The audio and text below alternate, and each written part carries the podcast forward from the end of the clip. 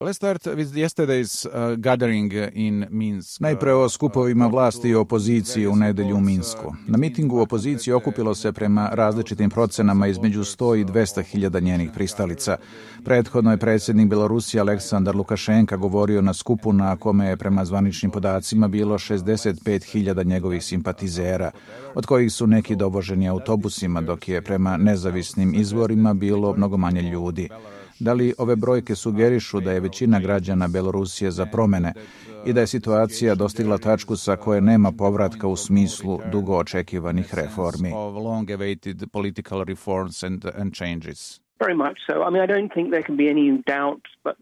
U velikoj meri, mada mislim da nema nikakve sumnje da je većina Belorusa protiv Lukašenka.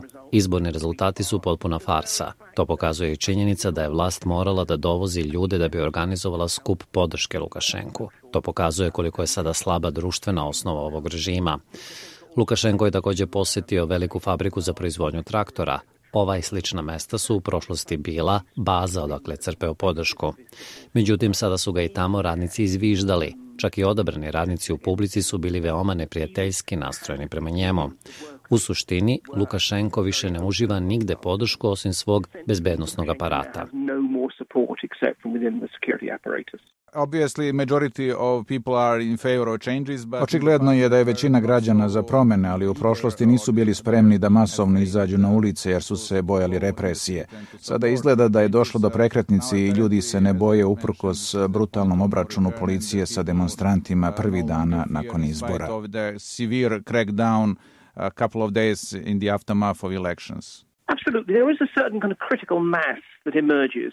Um, Apsolutno. Stvara se kritična masa. Autoritarne vlasti žele da se njihovi protivnici osjećaju izolovanima i da su ogromnoj manjini. Međutim, u trenutku kada protesti dostignu ove razmere, ljudi shvate da su u većini. Inače, osim protesta u nedelju u Minsku, građani demonstriraju širom zemlje, stoga nema načina da režim opstane. You said that uh, except uh, for his apparatus... Kažete da osim bezbednostnog aparata Lukašenka ne uživa podršku drugih delova društva. Međutim, videli smo vesti da su pojedini pripadnici policije iskazali solidarnost sa demonstrantima. Da li se uskoro mogu očekivati veće pukotine unutar režima? Recimo, obaveštene službe najpre imaju sve raspoložive informacije o trenutnom stanju i šta se može očekivati, pa se često dešava da otkažu podršku lideru i promene stranu, kada vide da je status quo neodrživ. Tako je beloruski ambasador u Slovačkoj za vikend javno podržao demonstrante. Dakle, mogu li se uskoro očekivati takve pukotine u visokim ešalonima vlasti? High echelons of his regime. Iskreno rečeno, veoma je teško predvideti šta će se tačno dešavati kada se situacija ovako brzo menja, ali iz dva razloga treba posmatrati šta se dešava sa snagama bezbednosti na koje se Lukašenko oslanja. Prvo, ako među njima dođe do otkazivanja poslušnosti i prebega na opozicionu stranu, to može biti odlučujuće. Drugo, u ovakvim situacijama je važan trenutak, odnosno zamah koji može biti presudan. Mnogi pripadnici bezbednostnog aparata verovatno se ne osjećaju ugodno zbog ove situacije. Ne žele da učestvuju u tome i lome lobanje dece svojih komšija i ostalih. S druge strane, boje se posledica ako odbiju naređenja. Sličnu situaciju smo videli tokom puča u Sovjetskom savezu u avgustu 1991 kada je počeo da raste broj onih koji su dezertirali i ostali su im se pridružili. U takvim situacijama ljudi se osjećaju sigurnije i smatraju da napuštaju stranu koja gubi. U ovom slučaju, ako prebezi postignu određeni broj, onda se situacija može veoma brzo promeniti, jer je Lukašenko izgubio taj oslonac. Nobel uh, winner writer uh, uh, Svetlana Aleksijević Dobitnica Nobelove nagrade za književnost Svetlana Aleksijević izjavila je prošle sedmice za radio Slobodna Evropa da je Lukašenka možda doveo Minsk pripadnike ruske policije za razbijanje demonstracija takozvani OMON kako bi ugušio proteste ističući da ne veruje da bi beloruski momci sastava istoimene domaće jedinice bili u stanju da na taj način biju sobstvene majke i sestre. Mislite li da su pripadnici ruskih snaga bezbednosti već u Belorusiji? Russian forces can be there in supporting Lukashenko already. No, absolutely not. I think for several reasons. I mean, Ne, apsolutno ne, iz nekoliko razloga. OMON je veoma specijalizovana jedinica i obučavana je da bude jurišni odred režima. Bilo je takvih primjera i u drugim zemljama. Na primjer, poljska ZOMO policija u vreme sindikata Solidarnost 80-ih. Dakle, postoji nekoliko hiljada okorelih pripadnika ovakvih jedinica koji su spremni na brutalan obračun u ime režima. Što se tiče uloge Rusije, ona nema nikakve koristi od slanja takve policijske jedinice u Belorusiju. To se ne bi moglo sakriti. U ovom trenutku protesti nisu antiruski orijentisani. Kada bi ruske snage bezbednosti bile razmeštene u Belorusiji, onda bi demonstracije bile veoma brzo usmerene protiv Rusije. We'll speak very quickly about the role of Russia and uh, international setting. Ubrzo ćemo razgovarati o ulozi Rusije i međunarodnom okruženju. Pre toga još nekoliko pitanja o unutrašnjoj političkoj dinamici. Vidimo da se šire protesti nakon početnog izlaska ispred fabričkih hala. Radnici najavljuju štrajkove. Pojedini novinari državnih medija takođe se solidarišu sa opozicijom. Istovremeno policija ne reaguje nasilno kao prvim danima nakon izbora. To trenutno liči na politički vakum. Šta će biti sledeći korak? Da li će možda demonstranti pokušati da zauzmu vladine zgrade? S druge strane, Lukašenka izjavio tokom vikenda da se neće ni po koju cenu povući. What do you expect as the next step in terms of this internal dynamic? Svetlana Tikhanovskaja, the, the exile opposition leader and probably sort. Svetlana Tihanovskaja, opoziciona liderka i verovatno istinski izabrana predsednica države, sada govori o formiranju neke vrste vlade u egzilu. Upečatljivo je da protesti nisu nasilni i ne mislim da će preći u tu fazu. Umesto toga, verovatno ćemo biti svedoci pokušaja da se stvore političke strukture koje bi bile u opoziciji prema Lukašenku i onda bi usledio pokušaj da se približe određenim ličnostima u vlasti. Da ponovim, ključno će biti da se ohrabre članovi vladajuće elite da kažu Lukašenku da je vreme da ode. On je možda spreman da se bori do kraja, ali ima mnogo pripadnika režima koji ne žele da ih on povuče sa sobom. Dakle, otprilike naredne sedmice mogu se očekivati razgovori iza scene u cilju posticanja pojedinih pripadnika vlasti da je napuste. So rather instead of, of opting for kind of violent uh, coup like in Romania with, with Ceausescu scenario... Dakle, umesto rumunskog scenarija sa nasilnim zbacivanjem Čaušeskova očekujete mirnu tranziciju. Tihanovska je izjavila da pripadnici vlasti koji na vreme promene stranu neće biti suočeni sa odgovornošću.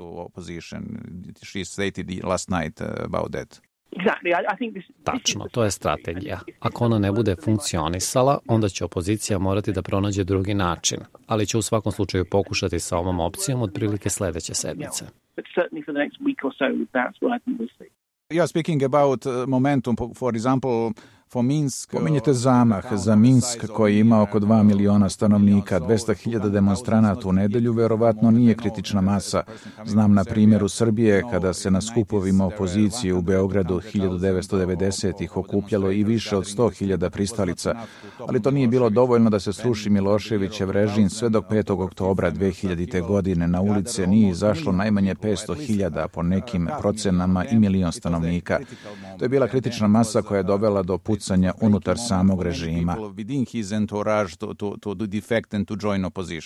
There's obviously sort of different situations in different countries, but Očigledno je različita situacija u različitim zemljama. Prema nekim studijama, ako na demonstracije izađe 3,5% od ukupnog broja stanovnika, takav politički pokret uglavnom pobeđuje.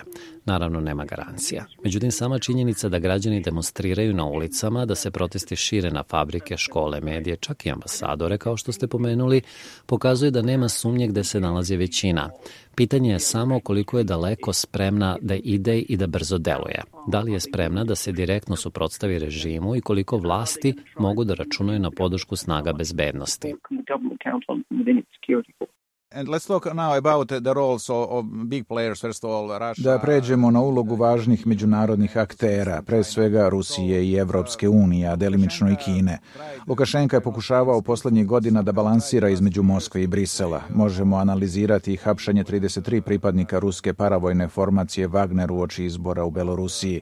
U svakom slučaju, Vladimir Putin je ponudio pomoć Lukašenki, uključujući i vojnu, ali verovatno uz uslove Koliko će Rusija ići daleko u podršci Lukašenki? Da li je spremna da interveniše ponavljajući scenario iz 2008. u Gruziji i 2014. godine u Ukrajini, jer nema sumnje da je Belorusija od velikog geostrateškog značaja za Moskvu.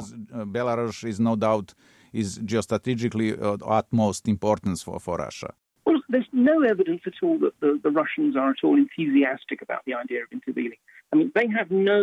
Nema dokaza da je Rusija entuzijastična za intervenciju u Belorusiji. Ona nema veliko poverenje u Lukašenka. Putinova geostrateška koalicija je da se ne može dozvoliti Belorusiji okretanje ka Evropi, tačnije da postane članica EU, NATO-a ili bilo šta slično. Međutim, beloruska opozicija ni na koji način u ovom trenutku ne zagovara takav zaokret. Njen jedini cilj je obaranje Lukašenka i održavanje novih izbora. Ako bi Putin smatrao da postoji rizik od promene strateške orijentacije Belorusije, u tom slučaju bi mogao da zaključi da nema druge alternative nego da vojno interveniše. Međutim, pojenta je u tome da u Rusiji ne postoji grupacija birača koja bi želela takvu intervenciju.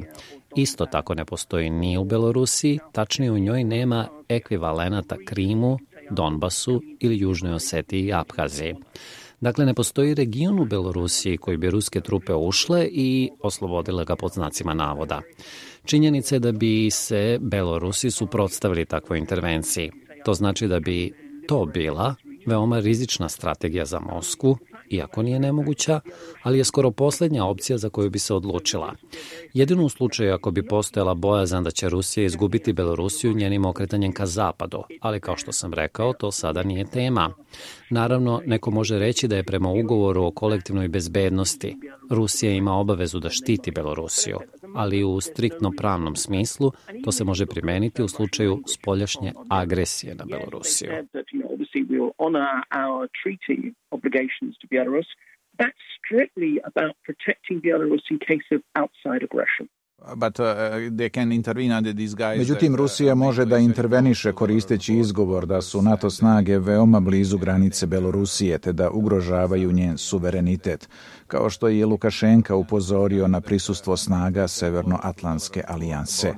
And then it could intervene and endanger Belarusian sovereignty and this and that. They can always come up with a pretext.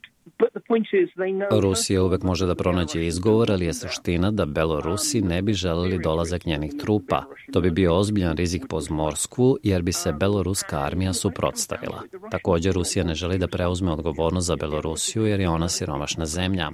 Njen bruto društveni proizvod po glavi stanovnika iznosi tek polovinu ruskog. Stoga bi se u slučaju intervencije u Belorusiji Rusija suočila sa oruženim sukobom, ekonomskim gubicima i nevoljama na međunarodnoj sceni. Dakle, Moskva to može učiniti, ali će radije izbeći.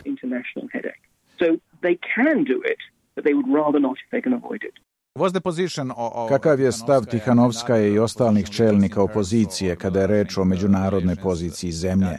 Da li više naginju ka Evropskoj uniji ili nastoje da balansiraju između Brisela i Moskve? Da li su prozapadno orijentisani kao aktuelne ukrajinske vlasti?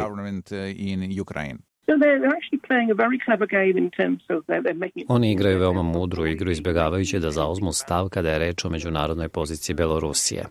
Nisu davali nikakvo obećanje u smislu da će biti više prozapadno orijentisani. Oni žele više demokratije. Možda je najbolja paralela sa situacijom u Jermeniji u kojoj je došlo do revolucije sa usponom Pašinjana, i demokratizacije zemlje. Međutim, to nije sporno za Mosku sve dok Pašinjan ne dovodi u pitanje prorusku orijentaciju Jermenije u međunarodnim odnosima. Dakle, situacija se može promeniti, ali beloruska opozicija trenutno šalje poruku da želi demokratizaciju zemlje bez razmišljanja o zaokretu njenoj međunarodnoj orijentaciji.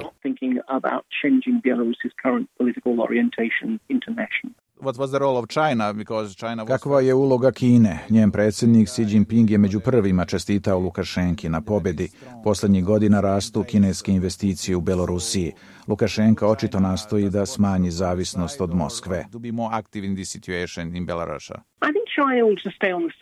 Mislim da će Kina ostati po strani jer je svaki rasplet situacije ide u prilog. Ukoliko Lukašenko opstane, Putin će nastaviti da investira kao deo svog projekta Pojas i put. Mislim da će Kina ostati po strani jer je svaki raspad situacije ide u prilog. Ukoliko Lukašenko opstane, Peking će nastaviti da investira kao deo svog projekta Pojas i put. Ukoliko Lukašenko ode, kogod dođe na vlast želeće da je ekonomski razvije Belorusiju i tražit će strane investicije, što Kini pruža mogućnost ulaganja. Dakle, Peking će sarađivati sa Minskom, kogod bude na vlasti, u nastojanju da ostvari profit u Belorusiji na isti način.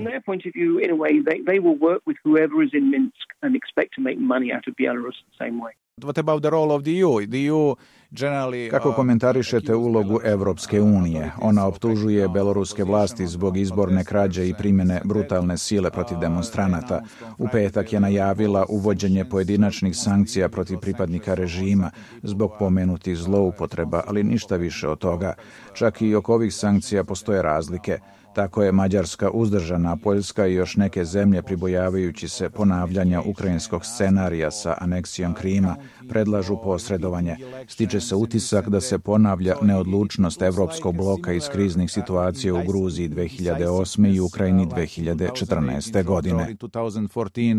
in Ukraine. This is the problem. The European Union moves very slowly, and this is a very fast moving situation. To je problem, jer EU deluje veoma sporo, a situacija u Belorusiji se brzo menja. Čak i pomenute sankcije koje neće imati nekog suštinskog uticaja na terenu, najranije mogu stupiti na snagu krajem ovog meseca, do kada će se situacija u Belorusiji raščistiti na ovaj ili onaj način. Objektivno govoreći, Europska unija ne može mnogo da uradi na poboljšanju situacije, ali može da deluje tako da je ne pogoršava.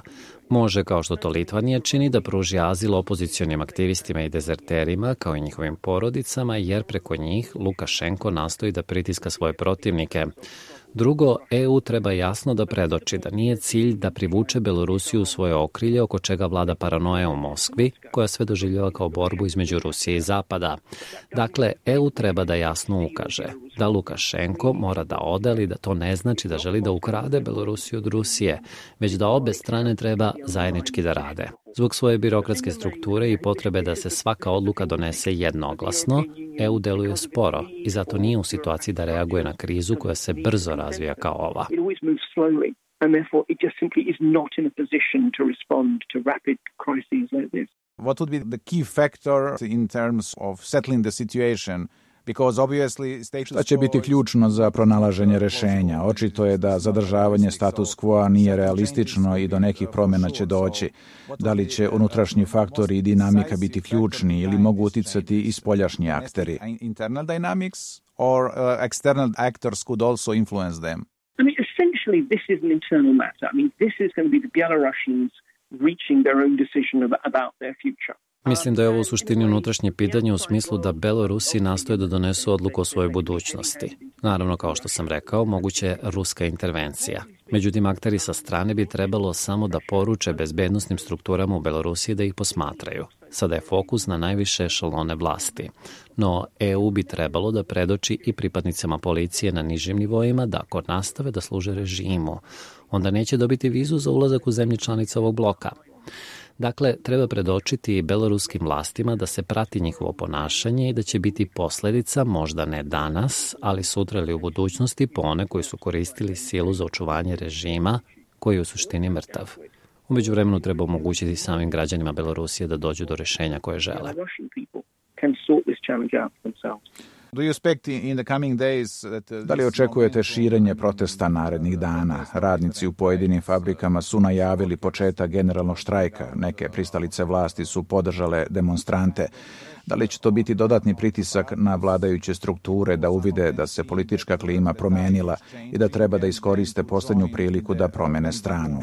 Da li je to najizgledniji scenario? Is it that most likely scenario?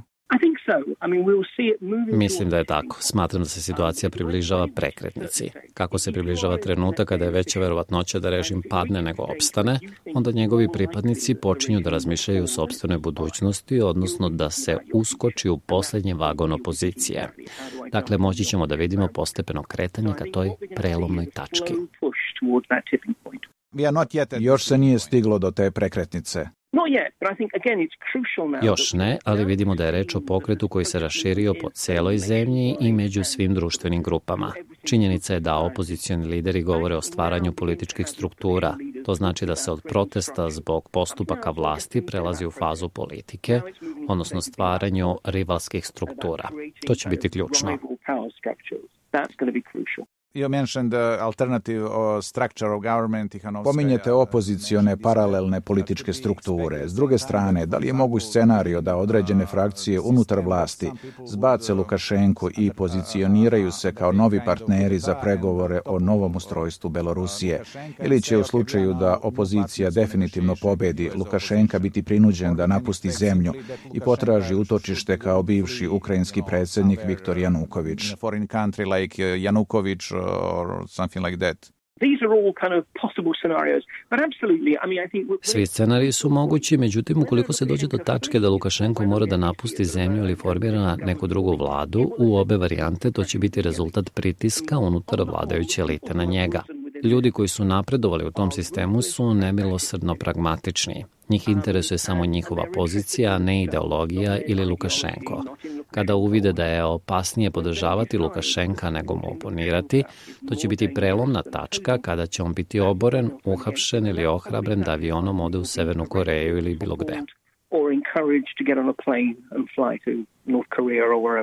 Could that people uh, around Lukashenka try to, to Da li će političari iz Lukašenkinog okruženja pokušati da preuzmu vlast od njega i predstave se kao ravnopravni partneri opozicije ili čak nastave da vladaju ili bi jednostavno pristali na održavanje prevremenih izbora na čemu insistira opozicija?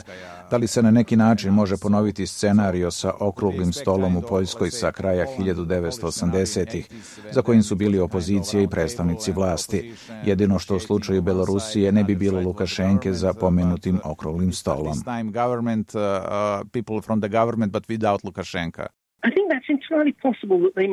Sasvim je moguće da to pokušaju, ali mislim da neće uspeti. Dakle, neka nova vlada iz postojeće nomenklature mogla bi da kaže da nije vreme za prevremene izbore i slično.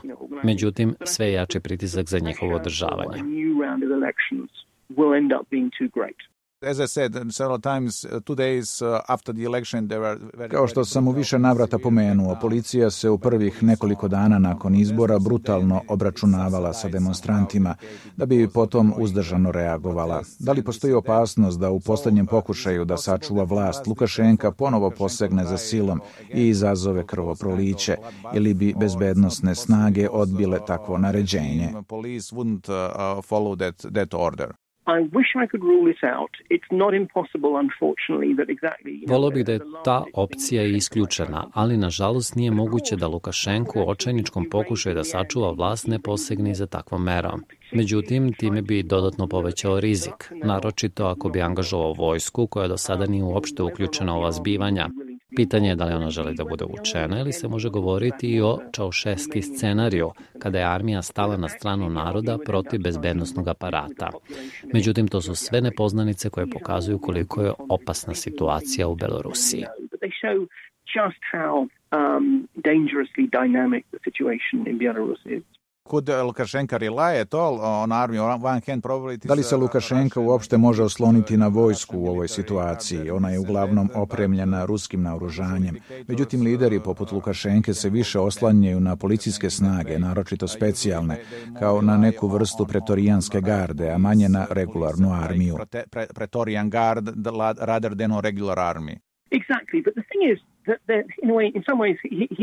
Tačno. Međutim, specijalne policijske jedinice OMON su već previše razvučene i preopterećene. Istovremeno čak i ostale snage pod okriljem Ministarstva unutrašnjih poslova su manje entuzijastične da budu angažovane u ovim zbivanjima. Stoga u celini smatram da je malo vremena da snage bezbednosti podrže Lukašenka. Moguće da uvidi da nema alternativu i onda da pokuša da uvede ratno stanje, neku vrstu vojnog režima. Međutim, time bi stavio vojsku u situaciju da se povinuje njegovom naređenju i bori protiv sobstvenog naroda ili da ga odbije, što bi značilo Lukašenkov kraj. Šta je najrealističniji scenario? Mislim da ćemo na kraju vidjeti Belorusiju bez Lukašenka, možda će napustiti zemlju ili biti uhapšen. Nakon toga će biti održani vanredni izbori. Ukoliko pak uspe da se održi do početka septembra, onda će verovatno politički opstati makar neko vreme. Ali kao što sam rekao, pretpostavljam da će u narednih nekoliko sedmica Lukašenko pasti. We are witnessing in the last few years that this uh, populist uh, uh, tide even within the EU with Hungary, with Poland. Svedoci smo jačanja populizma i autoritarizma poslednjih godina, čak i među pojedinim članicama Evropske unije. Kada je reč o Balkanu, autoritarizam je istorijski najsnažnija politička tendencija. U Srbiji je stvorena situacija u kojoj je gotovo nemoguće promeniti vlast Aleksandra Vučića na regularnim izborima. Slična je situacija u Crnoj Gori gde je Milo Đukanović na vlasti tri decenije. Kakvu poruku šalju zbivanja u Belorusiji i drugim zemljama, ako ju uopšte ima? if I may put in that way, message this situation Belarus could send uh, to the Balkans, if at all. S jedne strane ovo može biti ohrabrujuća poruka da se čak i autoritarni lider vremeno može zbaciti sa vlasti. S druge strane, činjenica je da Lukašenko na vlasti 25 godina pre ovog veoma ozbiljnog izazova. To, nažalost, posmatrano iz ugla populističkih lidera, pokazuje da je Lukašenkova taktika dugo vremena bila uspešna. On se na kraju previše uljuljkao i pogrešio. Međutim, u mnogo čemu do pre šest meseci Nekoga je mogao smatrati veoma uspešnim autokratom. Stoga pretpostavljam da situacija u Belorusiji neće dovesti do nekog velikog transfera, odnosno efekta na druge zemlje, osim što će biti autokrata koji će pokušati da izvuku pouke iz Lukašenkovog primera. Naravno, i demonstranti u drugim zemljama će nastojati da nauče lekcije iz ovog slučaja. Sećam se vremena kada su otpori i ostale organizacije uspele da zbace Miloševića. Mnogi su nastojali, u drugim krajevima sveta da izvuku pouke iz iskustva Srbije kako da se odupru autoritarnim režimima. Sada se pitam da li je trenutak da na Balkanu ponovo naučete lekcije.